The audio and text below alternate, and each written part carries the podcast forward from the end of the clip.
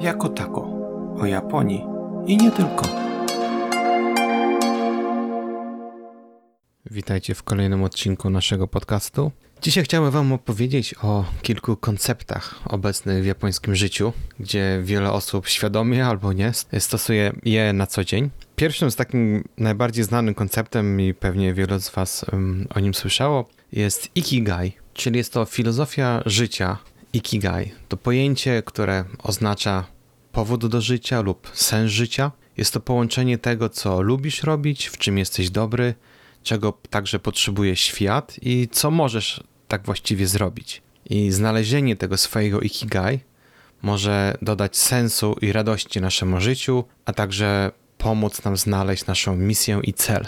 I wydaje mi się, że nie ma takiego bezpośredniego odpowiednika w, w polskim czy, czy w angielskim e, języku. Nazwa Ikigai pochodzi od Iki, co oznacza żywy albo życie, oraz Gai, co oznacza korzyść albo wartość. I właśnie Ikigai zostało tak pomyślane jako sposób właśnie pomagania jednostkom w osiągnięciu spełnienia poprzez odnalezienie swojego celu w życiu i jakby całego powodu do istnienia. I wiele osób uważa, że znalezienie tego swojego Ikigai jest ważne, ponieważ daje nam poczucie właśnie tego sensu i celu w życiu, także może nas uszczęśliwić. Wiele osób, które znajduje te swoje Ikigai, często opowiada właśnie o takim znalezieniu takiego poczucia spokoju i zadowolenia z życia. I wiele osób także przegląda jakby swoje życie w poszukiwaniu tego właśnie swojego osobistego ikigai. I to jest taki proces, w którym ludzie analizują jakby swoje pasje, talenty, e, swoje jakby też potrzeby. No i właśnie w tym wszystkim próbują znaleźć coś, co daje im właśnie jakieś takie poczucie sensu,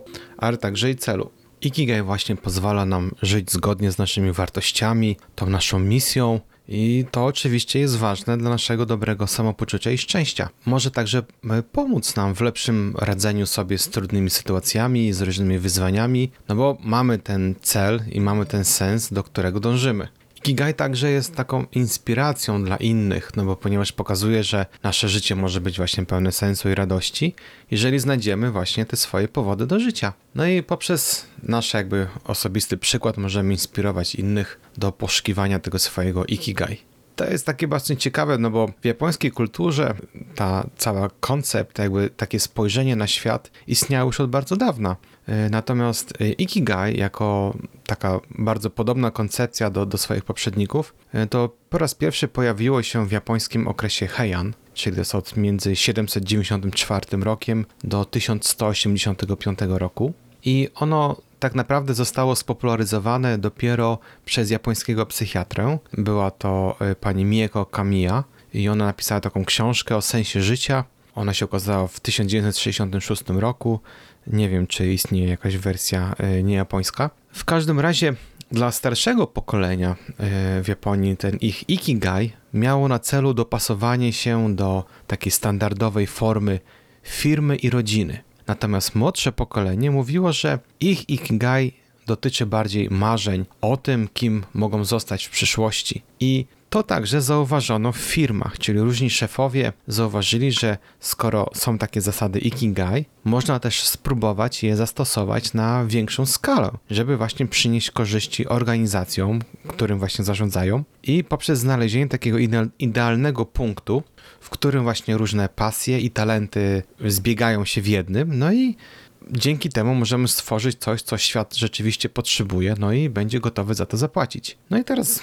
obecnie, no to przecież wiadomo, że jest wiele celów i powodów, dla których pracownicy są w firmie i to także zaczęło się zmieniać. Dzięki temu pracownicy także przekształcili swoje ikigai w hatarakigai. Z kolei hatarakigai oznacza powód do pracy lub powód do podejmowania działań. Ta idea jest bardzo istotna dla zrozumienia, jak praca może wpłynąć na nasze szczęście i zadowolenie z życia.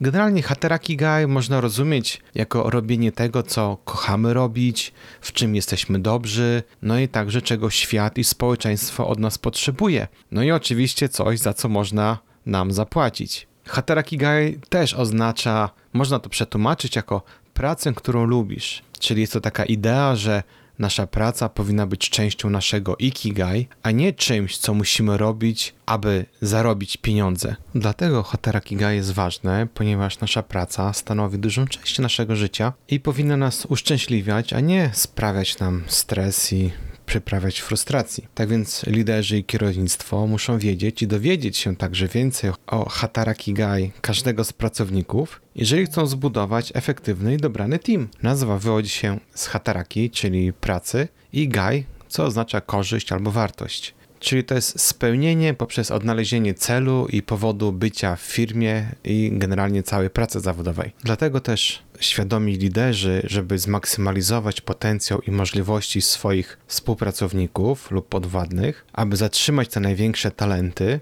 muszą bardzo dobrze zrozumieć i poznać każdego z nich i zrozumieć ich ikigai oraz hatarakigai. Jeżeli nie zrobią tego poprawnie, no to niestety będzie to zawsze jakiś problem i ten team nie będzie się dobrze rozumieć. Wiem, że to brzmi trochę tak absurdalnie, ale gdy aplikowałem do, e, do pracy w mojej firmie, to miałem taką rozmowę właśnie, gdzie to nie było takie typowa rozmowa, gdzie HR się pyta, że będziemy pracować tam w młodym, dynamicznym, rozwijającym się teamie i tak dalej, i tak dalej. To było takie bardzo podchwytliwe i takie trochę dla mnie wydawające się nie na, nie na temat pytania o, o to, co lubię, czym się zajmuję i tak dalej, ale także troszeczkę o filozofię życia, o podejście, o sposób rozwiązywania problemów i tak dalej. No i teraz wiem, że to tak naprawdę było zapytanie o te właśnie ikigai, te hatarakigai, tylko po to, żeby właśnie, żeby się dowiedzieć, czy mógłbym dopasować się do, e, do zespołu, czy w ogóle będę pasował do tego zespołu. No i wiadomo, jako obcokrajowiec to zawsze jest ten sam problem, że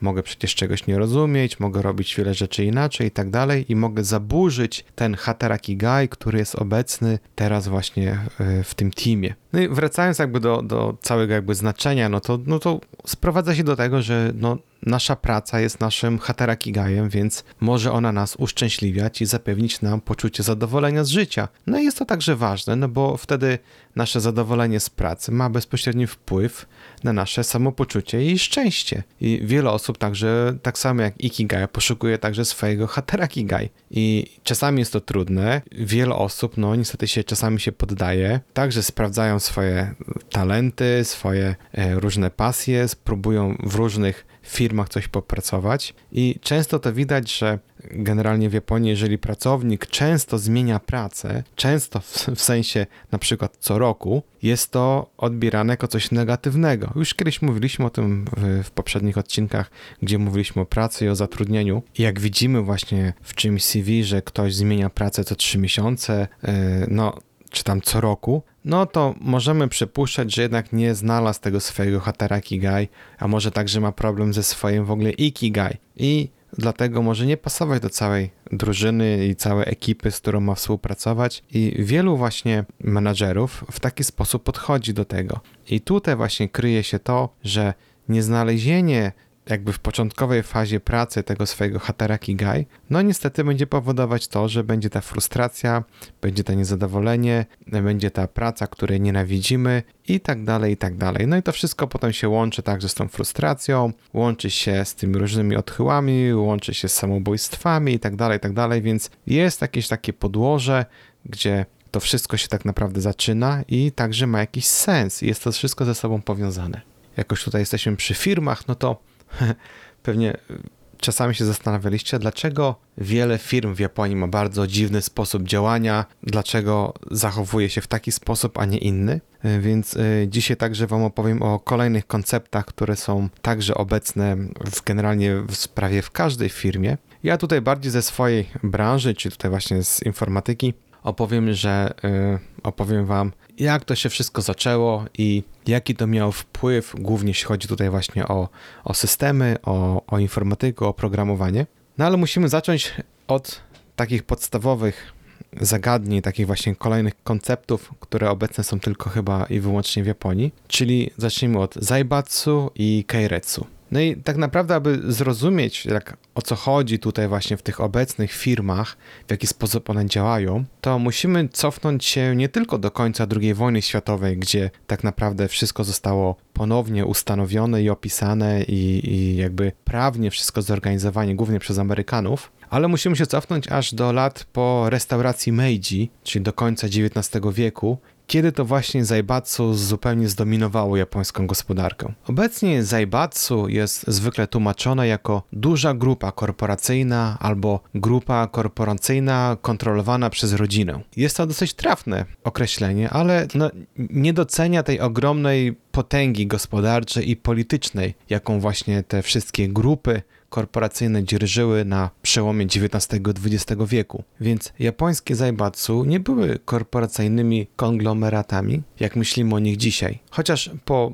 rząd Meiji przyjął gospodarkę rynkową i wdrożył wiele kapitalistycznych reform, ale zaibatsu z pełnym poparciem rządu no, utrzymywał tą gospodarkę jakby w ruchu i w ryzach. System zaibatsu miał taki charakter niemalże feudalny. No i rząd krajowy no, mógł uchwalać i uchwalał różne przepisy dotyczące prawa, e, dotyczące umów, e, reform pracy i praw własności, no ale w praktyce były to raczej takie sugestie i w rzeczywistości, dopóki Zaibatsu utrzymywało fabryki w ruchu, czy wszystko pracowało, linie kolejowe rozwijały się, stocznie pracowały na pełnych obrotach, no to ludzie w Tokio nie zawracali sobie zbytnio głowy takimi właśnie szczegółami. I nawet to widać do dziś, że rząd na przykład jak zakazuje czegoś albo nakazuje e, coś na przykład firmom, to jest to w formie sugestii, bo nie ma to jakiegoś takiego, e, no nie zawsze, no ale przeważnie nie ma jakiegoś takiego wymogu prawnego albo nie ma do tego gotowych przepisów, które zmuszą do zrobienia czegoś. No to jest słynny przykład właśnie tych nadgodzin, gdzie przez wiele, wiele lat wiele firm po prostu drenowało swoich pracowników, wykorzystywało ich i nie płaciło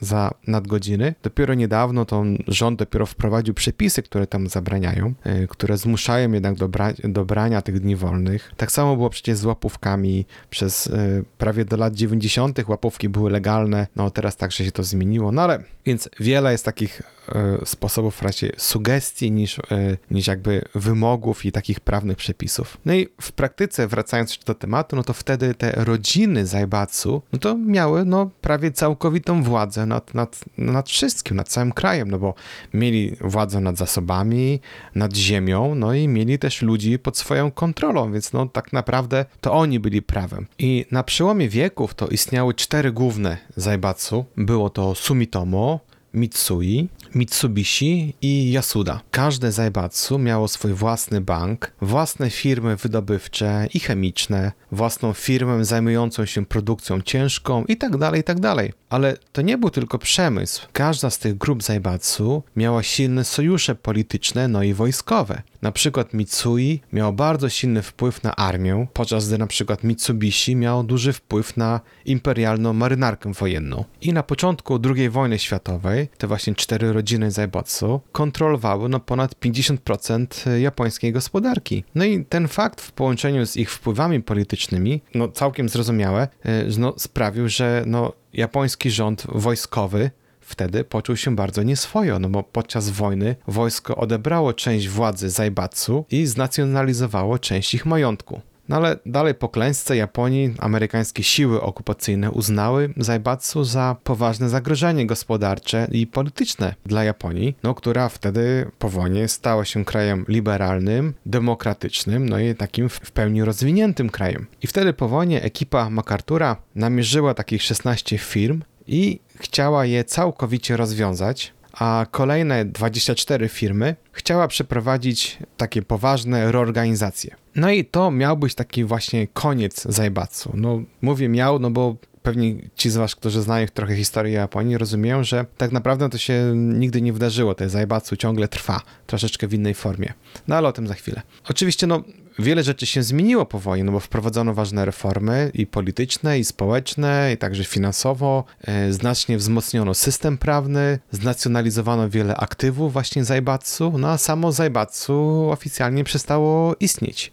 No, przynajmniej oficjalnie. No, jak się pewnie domyślacie, no Zaibatsu szybko pozwolono na restrukturyzację. No, troszeczkę w osłabionych, no ale bardzo dobrze znanych formach. No i wtedy te Zaibatsu przedstawi, yy, przekształciło się w Keiretsu. No i było to dozwolone jakby z dwóch głównych powodów. Po pierwsze, gdy zimna wojna zaostrzyła się w latach 40. no i 50., amerykańska taka idealistyczna wizja takiej demokratycznej i postępowej Japonii, no niestety ustąpiła miejsca bardziej takiej praktycznej i palącej potrzebie przekształcenia Japonii w bastion przeciwko komunizmowi. A to wtedy, no wiadomo, Chiny, Rosja, to oznaczało właśnie przedkładanie takiego właśnie wzrostu gospodarczego nad reformy społeczne. Mając na uwadze właśnie te nowe cele, zarówno amerykańskie, te siły okupacyjne, jak i rząd japoński, no całkiem słusznie doszły do wniosku, że no posiadanie czegoś takiego jak grupy właśnie Zaibatsu doprowadzi do szybszego, bardziej przewidywalnego wzrostu niż burzenie wszystkiego i odbudowywanie od zera. Drugim ważnym i trochę zaskakującym powodem było to, że prawie nikt w Japonii nie chciał zobaczyć no jak się te Zaibatsu rozpada. No bo ani politycy nie byli tym szczególnie zainteresowani, no przede wszystkim przywódcy Zaibatsu, no ale także i społeczeństwo. No i tutaj robiła się taka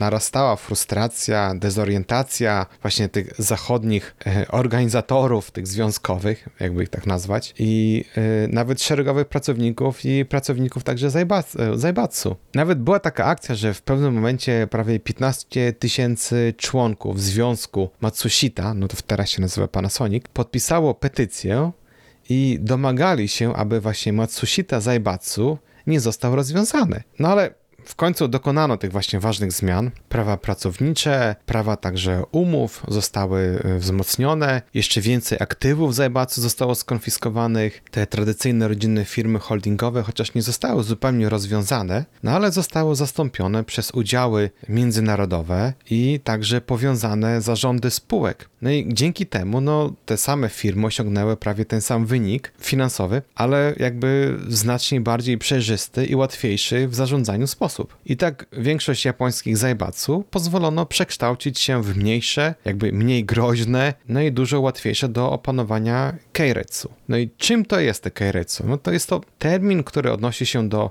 sieci biznesowej, składającej się z różnych firm, w tym także producentów, partnerów, yy, całego łańcuchu dostaw, dystrybutorów, no a czasem także i finansistów. Keiretsu współpracują ze sobą, utrzymują bliskie relacje, a czasem obejmują niewielkie udziały kapitałowe w innych firmach, no i zachowując przy tym no, niezależność operacyjną.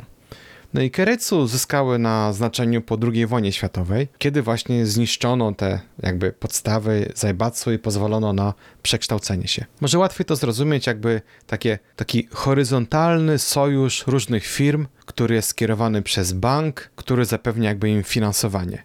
I tak pionowo Keiretsu to odnosi się od producentów, dostawców i dystrybutorów, którzy współpracują ze sobą, no i głównie w celu obniżenia kosztów, no i zwiększenia wydajności. No i w ten sam sposób, w jaki Zaibatsu zdefiniowało kiedyś taki cud gospodarczy, jakim była właśnie ekspansja Japonii w epoce Meiji, no to Keiretsu zdefiniowało cud gospodarczy, jakim była właśnie powojenna ekspansja Japonii. Obecnie istnieje sześć głównych i kilkadziesiąt mniejszych grup Keiretsu, w tej jakby w okresie tej ekonomicznej ekspansji Japonii, która no miała tam swoje jakby apogeum to w latach 80. Więc jak ten cud gospodarczy wtedy zadziałał? Więc projekty e, różnych firm były finansowane przez bank Keiretsu, materiały, know-how było e, były importowane przez firmę handlową, która także jest Keiretsu, a finalne produkty były montowane w fabryce odpowiedniej marki Keiretsu, więc wszystkie te flagowe marki wspierały się, no i tak naprawdę nadal wspierają e, dziesiątki tysięcy bardzo małych, takich ekskluzywnych producentów, którzy tworzą jakby wielki, duży łańcuch dostaw Keiretsu, czyli to jest tak naprawdę większość japońskiej gospodarki. Z wyjątkiem takich naprawdę garstki, takich prawdziwych, takich startupów, no takich startupów jak na przykład Honda, Sony, no to wszystkie japońskie marki, które były znane przed rokiem 2000, to tak naprawdę są marki Keiretsu. Mogłoby się wydawać, że właśnie takie duże firmy nie mogą wprowadzać innowacji, no ale od lat, od lat 50., od samochodów po aparaty fotograficzne, części maszyn, stal, półprzewodniki, zegarki, elektronikę domową, no to japońskie Keiretsu, no to po prostu złamało wszelkie zasady, jakby przepisało te zasady na nowo. No i wracając tu do tematu, który taki bardziej jest mi bliższy, czyli właśnie do IT, no to mogło, można by się tak zastanowić, jak Keiretsu poradziło sobie właśnie w świecie tworzenia oprogramowania. No, pewnie jak się domyślacie, no to bardzo dobrze. No ale należy jednak pamiętać, że no, branża oprogramowania w latach 60. i 70. no, była zupełnie inna niż dzisiaj, tak? Sam proces tworzenia oprogramowania był właściwie dość podobny do tego, co działo się na zachodzie czy w Stanach, no ale sposób już kupowania i sprzedawania oprogramowania był zupełnie inny. No I tak właśnie w latach 60. i 70. pisano oprogramowanie właśnie dla konkretnego i bardzo drogiego sprzętu, a wymagania odnośnie oprogramowania negocjowano w ramach takiej ogólnej umowy kupna-sprzedaży. Czyli oprogramowanie nie było postrzegane jako produkt, ale raczej jako usługa, podobnie tak jak integracja, szkolenie oraz ciągłe wsparcie i konserwacja. Czyli zwykle był sprzedawany na podstawie czasu i materiałów, a czasami był po prostu software dorzucany za darmo, aby tylko no, jakby osłodzić umowę. A tak naprawdę no, prawdziwe pieniądze no, to były tylko i wyłącznie w sprzęcie. No i oprogramowanie w tym czasie, no, z, w, zarówno w Japonii, ale także na całym świecie, było pisane no, zgodnie ze specyfikacją. Czyli nie miało znaczenia, czy był ktoś tam kreatywny, innowacyjny, czy coś tam było łatwe w użyciu. No po prostu musiał spełniać specyfikację. W rzeczywistości próba zbudowania takiego wyjątkowego oprogramowania w tamtych czasach no, było uważana za no, marnotrawstwo zasobów. W końcu produkt został już sprzedany, umowy podpisane, więc no o co chodzi? No i w tamtym czasie celem, podobnie jak w przypadku wielu dzisiejszych projektów, no głównie tych integracji różnych systemów, było zbudowanie oprogramowania, które było na tyle dobre, aby no klient je uznał za kompletne i gotowe. No i oprogramowanie zgodne ze specyfikacją klienta, no było z definicji no, dobrym oprogramowaniem. No i wtedy te japońskie Keiretsu radziło sobie bardzo dobrze w epoce tego wielkiego boomu elektronicznego. No chociaż firmy takie jak Fujitsu, NEC, Hitachi, no nigdy poważnie nie kwestionowały jakby globalnej dominacji IBM, no i wtedy był jeszcze Univac, tam w latach 60. i 70. Radziły sobie no całkiem nieźle w tych mikrokomputerach, no i w takich dużych systemach biurowych. No to wtedy właśnie te japońskie firmy naprawdę były innowatorami. No ale kiedy jednak pod koniec lat 80., jak nadeszła rewolucja komputerów osobistych, no cały japoński przemysł był jakby beznadziejnie przygotowany i to nie z powodów, o których można by sobie wyobrazić. No jakby powód, dla którego jakby rozwój japońskiego oprogramowania przestał się rozwijać w latach 80., nie miał nic wspólnego z brakiem utalentowanych programistów. Było to wynikiem jakby nowej struktury gospodarczej Japonii jako całości, no, w szczególności właśnie tej struktury Keiretsu. Jak na rynek właśnie komputerów osobistych, no to było to coś zupełnie nowe. Jakby podstawowa technologia i sprzęt, no były jakby kontynuacją poprzedniej epoki, tak? Ale ten nowy rynek był już zupełnie inny. No bo rynek komputerów osobistych szybko skupił się wokół takiej niewielkiej liczby standardowych systemów operacyjnych i architektur takich sprzętowych. No i Keiretsu radził sobie całkiem dobrze w tej części właśnie sprzętowej rynku, no bo naprawdę wtedy tworzyli no niesamowite y, maszyny, no głównie laptopy. Może ktoś z was y, widział kiedyś właśnie y, notebooki, laptopy Panasonica, które są no zupełnie inne, mają taki bardzo fajny napęd CD, który jest wbudowany niemalże w klawiaturę. No było bardzo dużo takich ciekawych rozwiązań, łącznie właśnie z różnymi czytnikami kart i tak dalej. No ale jakby ten rynek oprogramowania wtedy nie miał jakby takiej specyfikacji. Było to coś zupełnie nowego. No i jakby wtedy zrobienie jakiegoś dobrego softu, no to wymagało tego zachwytu klienta i jakby dowiedzenie się, czego klient chce, zanim no się zrobi to oprogramowanie, tak? Tak naprawdę wtedy klient nie wiedział sam, co chciał, więc ktoś musiał to wymyśleć, zrobić coś z takim właśnie efektem wow, no i wtedy może rzeczywiście udałoby się to wszystko sprzedać. No i to było wyzwanie dla Keiretsu, no ale no jednak w latach 80. sytuacja w Japonii no, bardzo się zmieniła. No, wtedy się nadarzyła się okazja do jakby do zdefiniowania i poprowadzenia jakby nowej globalnej branży. Wtedy właśnie szansa dla całego Kereicu na zbudowanie branży oprogramowania od podstaw. No i jakby wracając jeszcze jakby w czasie, nie? No to w latach 60., kiedy gospodarka Japonii była jeszcze taka niewielka, aby przetrwać, no to należało patrzeć tylko i wyłącznie na zewnątrz, czyli konkurować na całym świecie, dokonywać długoterminowych inwestycji, no i wprowadzać różne innowacji, żeby tworzyć no, jak najlepsze produkty i to na rynku globalnym, na całym świecie. No ale w latach 80. no to Japonia była drugą co do wielkości gospodarką na świecie. No i przede wszystkim znajdowała się w takim zupełnym środku największego boomu gospodarczego. To była zdecydowanie era Japonii jako numer jeden. To ekonomiści przewidywali, że PKB Japonii będzie nawet większy niż w Ameryce, nawet w ciągu najbliższych 10 lat. No i z tak lukratywnym i dość dobrze chronionym rynkiem e, na wyciągnięcie ręki, no, no Keiretsu miało no, wiele więcej sensu. No, wtedy mogli się skupić na łatwych pieniądzach, niż podejmować ryzykowne i drogie zakłady no, na niepewnym i wschodzącym rynku globalnym. Więc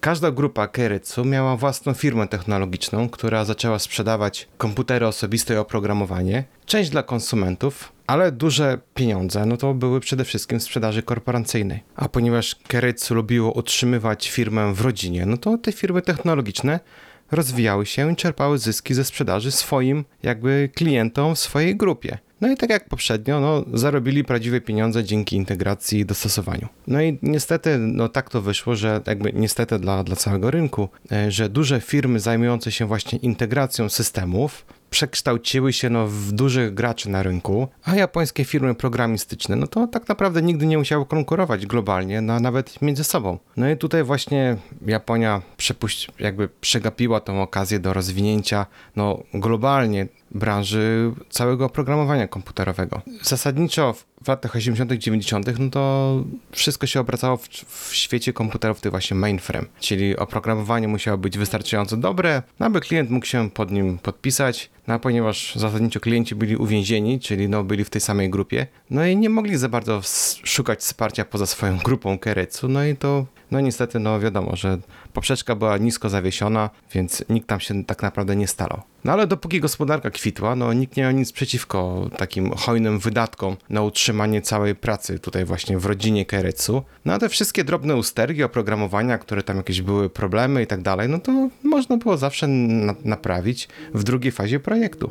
No i tak naprawdę wtedy tworzenie oprogramowania to było tylko odhaczanie, odhaczanie listy i no, jakąś funkcję się dodawało tylko i wyłącznie wtedy, kiedy klient o to poprosił, no a umowy zostały podpisane. No i to niestety to spowodowało, że Japonia straciła dostęp jakby też do globalnego przemysłu oprogramowania, no ale także zapoczątkowało upadek innowacji no, w całym japońskim przemyśle. I w ciągu następnych 30 lat no, programowanie stanie się jakby głównym istotnym motorem innowacji, no i generalnie wydajności firmy. No ale zlecając swoją strategię no, IT jednemu tylko integratorowi, no japońskie przedsiębiorstwa związały się e, z tą firmą, z tym integratorem e, już niemalże na zawsze, no i co roku, co roku coraz bardziej oddawali się od tych właśnie e, światowych standardów i generalnie od całej technologicznej i, tworzyli taką technologiczną przepaść. No i tak naprawdę no to Japonia wciąż się z tego nie podniosła i nawet dzisiaj większość systemów takich korporacyjnych jest kilkadziesiąt lat w tyle za swoimi globalnymi konkurentami. No jak zobaczymy no nieco później, no to tak naprawdę dzieją się teraz rzeczy, które mogłyby pomóc takiej Japonii zrobić taki e, duży krok do przodu. Każdy, kto widział jakąś japońską stronę internetową, no to ma takie wrażenie, szczególnie jakichś urzędów, no to ma wrażenie, że to wszystko powstało tam w latach 80. i się nie zmieniło. Czyli wygląda ta strona, jakby była zrobiona w Wordzie, jest bardzo prosta, bardzo kanciata, czasami w ogóle nieresponsywna, czasami piszą, że trzeba użyć tylko tej konkretnej przeglądarki, bo w żadnej innej to nie będzie działać. No bo i tu się dużo nie mylą, no właśnie dlatego, że dana firma czy tam dany urząd w jakiś sposób się połączył z tym jednym integratorem, no to to, co zrobili kiedyś, dawno temu, no to działa do dziś. No i dlatego wiele takich właśnie dziwnych stron, które wyglądają bardzo oldschoolowo, przestarzało, no ciągle dalej istnieje to są tak naprawdę prawdziwe i oficjalne strony. Pewnie się zastanawiacie, jak to było być programistą w latach 80. czy 90. No to, to, to nie było takie wcale super pozycja do pracy, no bo raczej rozwój oprogramowania wtedy uznawano raczej za pracę, która wymagała niskich kwalifikacji. To nie była wcale dobrze płatna praca i była postrzegana bardziej jako praca biurowa, czyli zadanie polegało na napisaniu oprogramowania, które no, było zbliżone do było zbliżone do tego, co sprzedawcy obiecali. Poza tym, no, całe umowy były jakby konstruowane, podpisywane i obgadywane w restauracji wieczorem przy jakimś tam sake i co tam wtedy ustalili, no to wtedy to się tak właśnie działo, nie? No i kim byli ci pracow- pracownicy, no ci y, pierwsi programiści? No wiadomo, nie było takich typowych szkół informatycznych, więc no to byli wszyscy ci, co skończyli jakąś tam literaturę, biznes, prawo, y, no czy czymkolwiek tam by się nie, nie zajmowali, czy tam nie, nie studiowali. No i przez kilka lat, gdy trafili do nowej firmy, no to mieli po prostu naukę oprogramowania, no i tak się to wszystko zaczynało, czyli nie było jakiejś takiej ścieżki kariery, która byłaby tam zrobiona właśnie w strefie rozwoju oprogramowania. Y, Można byłoby tam awansować do zarządzania projektem, czy tam na przykład do działu sprzedaży, no ale jak jesteś tam 30-latkiem, no to no dalej pisałeś kod. No i wiele osób też uważało, że jeżeli jesteś właśnie 30-latkiem i dalej piszesz kod, no to coś jest z tobą nie tak, tak? Coś tam w życiu przegrałeś. No, no, no wiadomo, że no w tamtych czasach także było wielu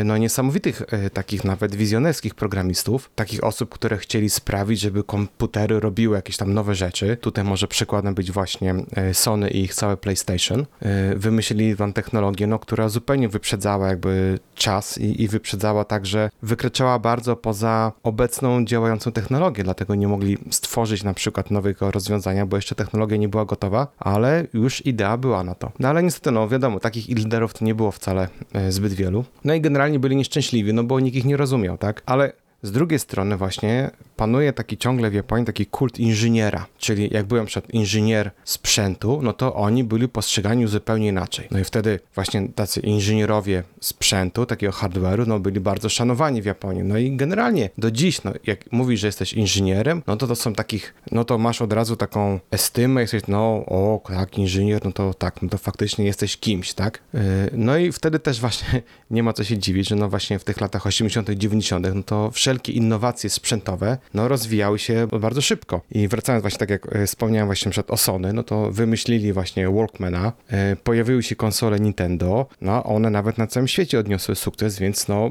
krajowy rynek no, był generalnie wypełniony różnymi elektronicznymi gadżetami. E, Pamiętam e, także, miałem okazję korzystać z takich właśnie elektronicznych na przykład dzienników. Dostałem nawet w prezencie od jednego znajomego, taki właśnie z lat 90. coś w rodzaju tableta, e, takie urządzenie. Były słowniki, gdzie można było bardzo szybko wyszukać na przykład każde kanji, były angielsko-japońskie, gdzie można było nawet odręcznie pisać i to nawet do dziś wiele osób używa. Rozmaite planery, czyli takie właśnie kalendarze, gdzie można było wrzucać różne e, swoje zadania z pracy, nawet synchronizować to z komputerem. No i generalnie to, co wtedy było w tych właśnie latach 80., 90. w Japonii dostępne, jakby sprzętowo, no to wyprzedzało no, o wieki no, to, co było dostępne wtedy na zachodzie. No i oczywiście także powstało ten iMod, czyli taki japoński internet w komórkach. No i wtedy właśnie Japończycy mogli wysyłać e-maile, przeglądali internet ze swoich telefonów jeszcze na, na wiele, wiele lat, zanim w ogóle powstało BlackBerry, czy e, prawie no to jest 10 czy tam 15 lat, zanim powstał iPhone. No ale patrząc teraz tak z perspektywy czasu, no to wtedy jakby reszta świata zmierzała w troszeczkę innym kierunku. Świat już odchodził od takiego dedykowanego sprzętu w kierunku bardziej innowacji, takiego opartych na oprogramowaniu, działających na właśnie jakichś standardowych platformach sprzętowych. No i gdy wtedy także była bańka przecież dotcomów, kiedy zaczęła się właśnie ona powiększać, no to Ja- Japonia zdała sobie sprawę, że no potrzebuje jednak utalentowanych programistów. Mimo to bez branży oprogramowania, która ceniła właśnie tych twórców oprogramowania, no firmy tak naprawdę nie miały pojęcia, gdzie znaleźć takich dobrych programistów. Największe talenty, no to przeważnie były zupełnie nierozpoznane i uwięzione gdzieś tam na niższych poziomach całej właśnie struktury firmy. No i nie było jakiegoś takiego właśnie e, parcia i w ogóle generalnie oddolnego wsparcia, nie było tej ścieżki kariery, tak jak wspominałem, żeby ci programiści mogli się ujawnić i pokazać, że rzeczywiście coś potrafią zrobić. Problemem było także to, że no niestety, no ta branża bycia programistą, czy tam inżynierem oprogramowania, tak już wtedy nazywali ich, no nie była dobrze opłacana, no i młode osoby, no nawet y, jak były dostępne jakieś studia, nie decydowały się na takie kierunki, no bo jakby nie widzieli przyszłości w tym. No ale zdarzali się tacy, którzy no oczywiście kochali oprogramowanie, no ale no większość zdecydowanie było bardziej, skupiała się na tym, żeby zostać, nie wiem, muzykiem, czy tam, nie wiem, robić mangę, czy, czy anime. No i generalnie no wtedy można było zasadniczo zrobić wszystko. No i także w latach 90. zagraniczne firmy, które produkowały oprogramowanie, no zaczęły no ostro tutaj w Japonii inwestować, yy, powoli, powoli tutaj zapuszczać swoje korzenie. No i krajowy przemysł, no to prawie nie mógł w ogóle walczyć przeżyć, tak? I na koniec lat 90., kiedy był to właśnie ten boom tych właśnie dotcomów, była taką właśnie pierwszą Wtedy pojawiła się taka pierwsza przełomowa fala różnych innowacji finansowych. Pojawiły się różne fundusze w Japonii, no ale to nie był jeszcze taki czas, żeby właśnie ci japońscy programiści znaleźli się jakby w centrum uwagi i żeby faktycznie coś się w tym kierunku zmieniło. Ci wszyscy, którzy odnieśli jakiś tam sukces w tamtym epoce, no to generalnie no to, to wszystko były osoby, które były naprawdę bardzo wytrwałe, e, bardzo takie odporne, uparte. Przede wszystkim tacy, którzy naprawdę mogli się zaprzeć i coś tam, naprze- coś tam naprawdę e, sami z siebie dać i, i coś zrobić. No, innej opcji po prostu nie było. Wtedy także, no teraz tak można pomyśleć z perspektywy czasu, no to też był super e, pomysł, no bo jak zatrzymałeś na przykład jakiś startup i miałeś jakiś super pomysł, no to zasadniczo mogłeś zadzwonić do każdego znajomego programisty i powiedzieć mu, że chcesz coś zrobić, masz na to jakiś y, budżet i, i takie, takie oprogramowanie chcesz zrobić, no i można było być pewny, że na pewno do ciebie dołączą. Więc no to był jakiś tam, jakiś tam plus. No ale później właśnie te lata, koniec lat y, 90., no i początek lat 2000, no to czasami jest nazywane jako właśnie stracone dekady w Japonii, że no to nie był dobry czas dla firm Keiretsu. No ich władza no powoli, powoli słabła, ale jakby wzmożona kontrola ich tych właśnie różnych firm, no bo tak jak wspominałem, Keiretsu łączyły się z różnymi firmami zagranicznymi, no i także wymagało to troszeczkę zmiany ich funkcjonowania. Była także e, wtedy fuzja kilku banków, pojawiły się także nowe banki, jak na przykład Shinsei Bank. Zaczęło się to wszystko zmieniać. Banki też już zaczęły jakby wychodzić z takiego sponsoringu e, tych właśnie e, wszystkich grup Keiretsu. No i jakby ten biznes, tak jak zwykle, do czego byli właśnie wszyscy przyzwyczajeni, powoli, powoli się zmieniał. Coraz bardziej zaczęło się to wszystko e, upadać, no bo już te wszelkie obiecane wtedy warunki pracy, jak na przykład za, e, dozgonne zatrudnienie, e, te wszelkie właśnie gwarancje ekonomiczne i społeczne, jakby na których opierał się cały system Keretsu, dlatego ludzie chcieli tam pracować, no bo mieli po prostu spokojną pracę do, aż do swojej emerytury. No niestety ten system zaczął się rozpadać. Jak w poprzednich dziesięcioleciach Japonia koncentrowała się na eksporcie towarów wytwarzanych w, w kraju, teraz nie tylko rynek krajowy przyciągał coraz większą uwagę, no ale przemysł japoński zaczął przynosić produkcję z Japonii na tańsze rynki. Wiele osób, no wielu także producentów uznało to, że, uznało to za zdradę. Niektórzy naprawdę nawet spędzili całe swoje życie, albo czasami nawet pokolenia w jednej firmie, jako właśnie bardzo dobrze zintegrowana i bardzo wyspecjalizowana część tego jakby całego łańcucha Keretsu. No i teraz nagle zostali odcięci od dostaw, zostali po prostu zastąpieni tańszą firmą, na przykład z Chin. No i jakby ten cały łańcuch Keretsu zaczął powoli się rozrywać. No i gdy zyski no, rosły, a siły roboczej brakowało, no to grupy korporacyjne y, miały wtedy sens, żeby oferować te zatrudnienie na całe życie. No i wtedy także już nawet przewidywano jakieś tam awanse, robiono jakieś tam plany i tak dalej, i tak dalej. No ale gdy teraz zaczęły straty rosnąć, y, firmy zachodnie weszły na japoński rynek, no to cała jakby korporacyjna Japonia zaczęła się wycofywać właśnie z tych wszystkich benefitów i tych różnych, że tak powiem, obietnic pracowniczych. No jak możecie sobie wyobrazić, no to był szok dla Japonii i to było jakby takie złamanie takiej umowy społecznej, która jakby spajała wszystko razem. Jeżeli ciężka praca i, i lojalność nie są nagradzane, no to po co poświęcać swoje życie firmie? No ku rozpaczy ekspertów, no i różnych polityków, wielu młodych Japończyków zaczęło mówić, że no nie są zainteresowani dołączeniem do świata korporacji. Pewnie wielu z was wie, że w Japonii jest bardzo duża grupa bezdomnych, ale to są tacy właśnie bezdomni z wyboru. To są właśnie takie osoby, które w czasie tej wielkiej zmiany nie dopasowały się albo nawet nie chciały się dopasować do nowego środowiska, straciły pracę właśnie, która miała być obiecana do końca życia i nie potrafiły się przebranżowić i odnaleźć się w tej nowej rzeczywistości. No i wiele osób właśnie zostało no, bezrobotnymi, no ale i w sumie stało się także bezdomnymi. No i generalnie tak jak teraz właśnie patrząc e, jakby w przeszłość z perspektywy jakby obecnej sytuacji na rynku, no to to nie do końca były takie stracone dekady, tak jak je określano. Wzrost oczywiście zwolnił, e, zmiany były potrzebne, bardzo bolesne, no ale były potrzebne. No i tak naprawdę teraz dużo się zmieniło, no i wreszcie ci programiści, którzy, no i generalnie firmy programistyczne, no zaczęły teraz jakby się na nowo budzić i także zyskać e, generalny szacunek. Ja jak przyjechałem do Japonii w 2006 roku, miałem do czynienia z kilkoma firmami programistycznymi, no ale to wszystko było bardzo zacofane, było bardzo do tyłu, bo jedynym jakby sposobem nauczania wtedy to było przetłumaczenie jakichś zachodnich podręczników z angielskiego na japoński. Wtedy informatycy czy programiści kupywali książki w, w księgarni i dopiero wtedy się uczyły. No ale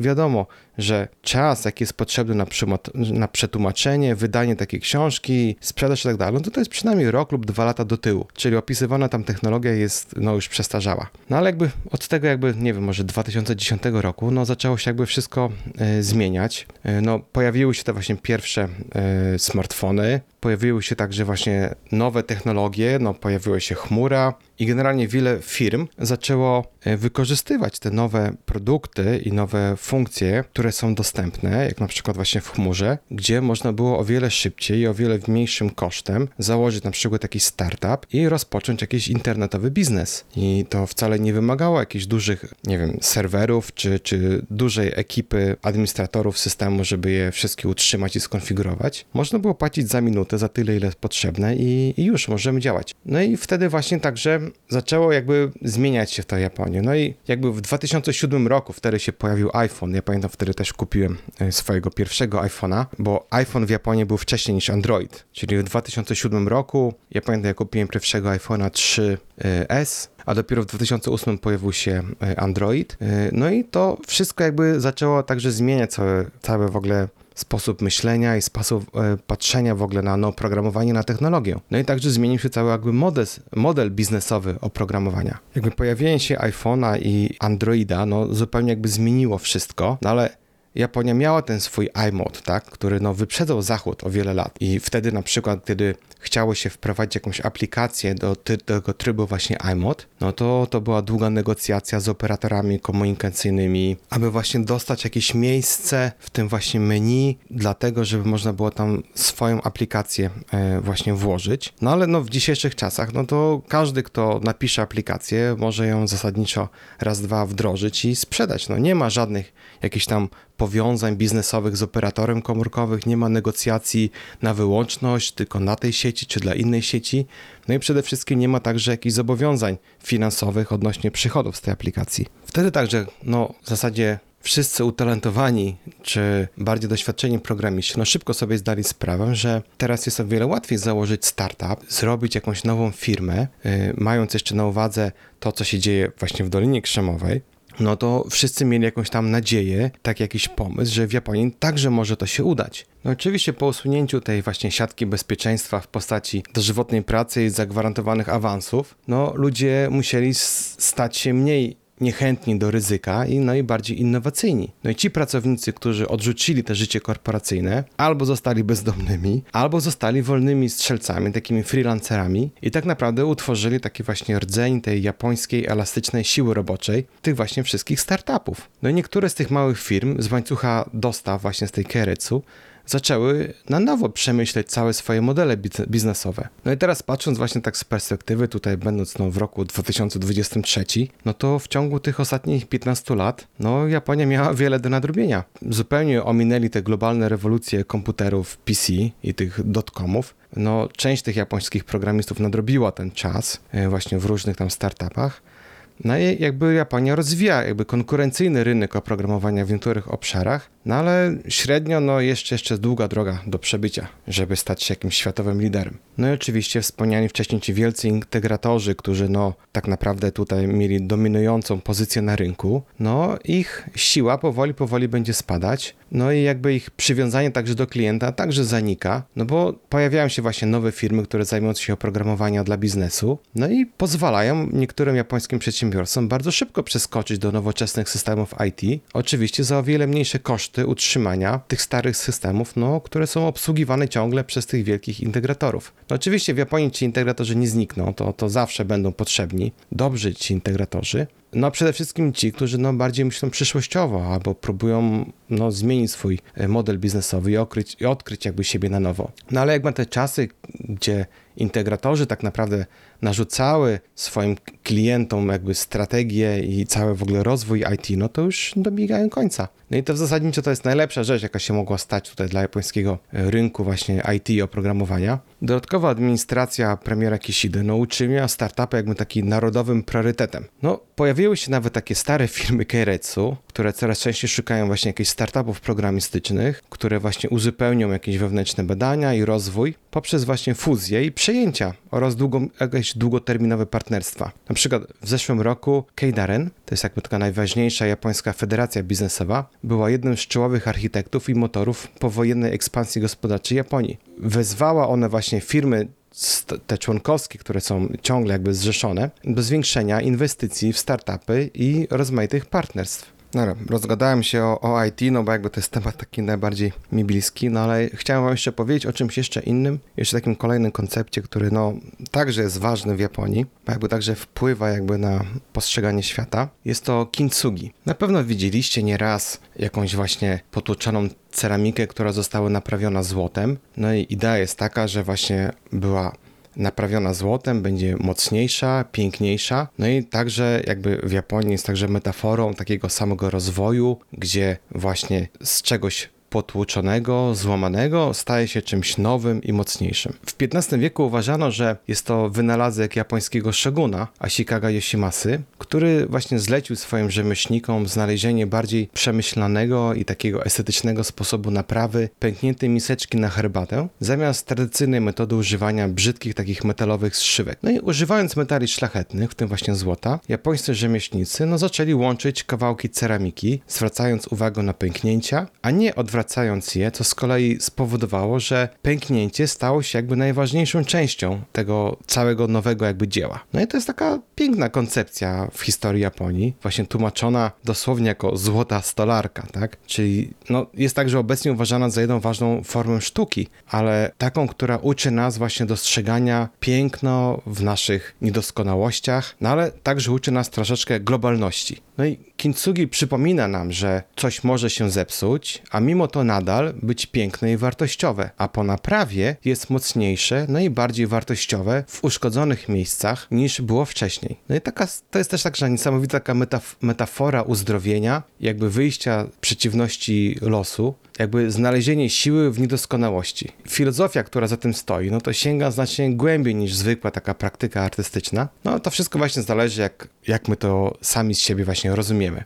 To też ma bardzo duży związek właśnie z symboliką uzdrowienia i odporności, czyli najpierw zadbany, a następnie jakiś taki ulubiony przedmiot, który się zepsuje, akceptuje jakby swoją przeszłość i paradoksalnie dzięki tej naprawie staje się mocniejszy, piękniejszy, no i właśnie cenniejszy niż przed zepsuciem. No i to także w częściach biznesowych wiele osób także tak samo uważa, a więc e, wiele osób jakby tworzą właśnie firmę, także o tym myśli, że jakby coś mi się nie udało, więc spróbuję to jeszcze raz, troszeczkę wzmocnię się w inny sposób. No, w Polsce się mówi, e, co nas nie zabiło, to nas wzmocni, więc to jest bardzo, bardzo podobna i zasadniczo bardzo zbliżona filozofia to nawet jakbym właśnie przy naszym takim y, prawdziwym, tak codziennym stylu życia, to takie kintsugi właśnie w jakiś sposób zachęca nas do takiego pełnego, bogatego życia, no bo ponieważ no nie boimy się rzeczy, które mogą nas złamać. No tak jak ceramika jest krucha, y, piękna i mocna, no to tak samo my, jak ceramika może się zepsuć, no także też można ją naprawić. I, no jakby ceramika i życie mogą się rozpaść na tysiące kawałków, ale jakby to nie powinien być powód, aby przestać żyć intensywnie,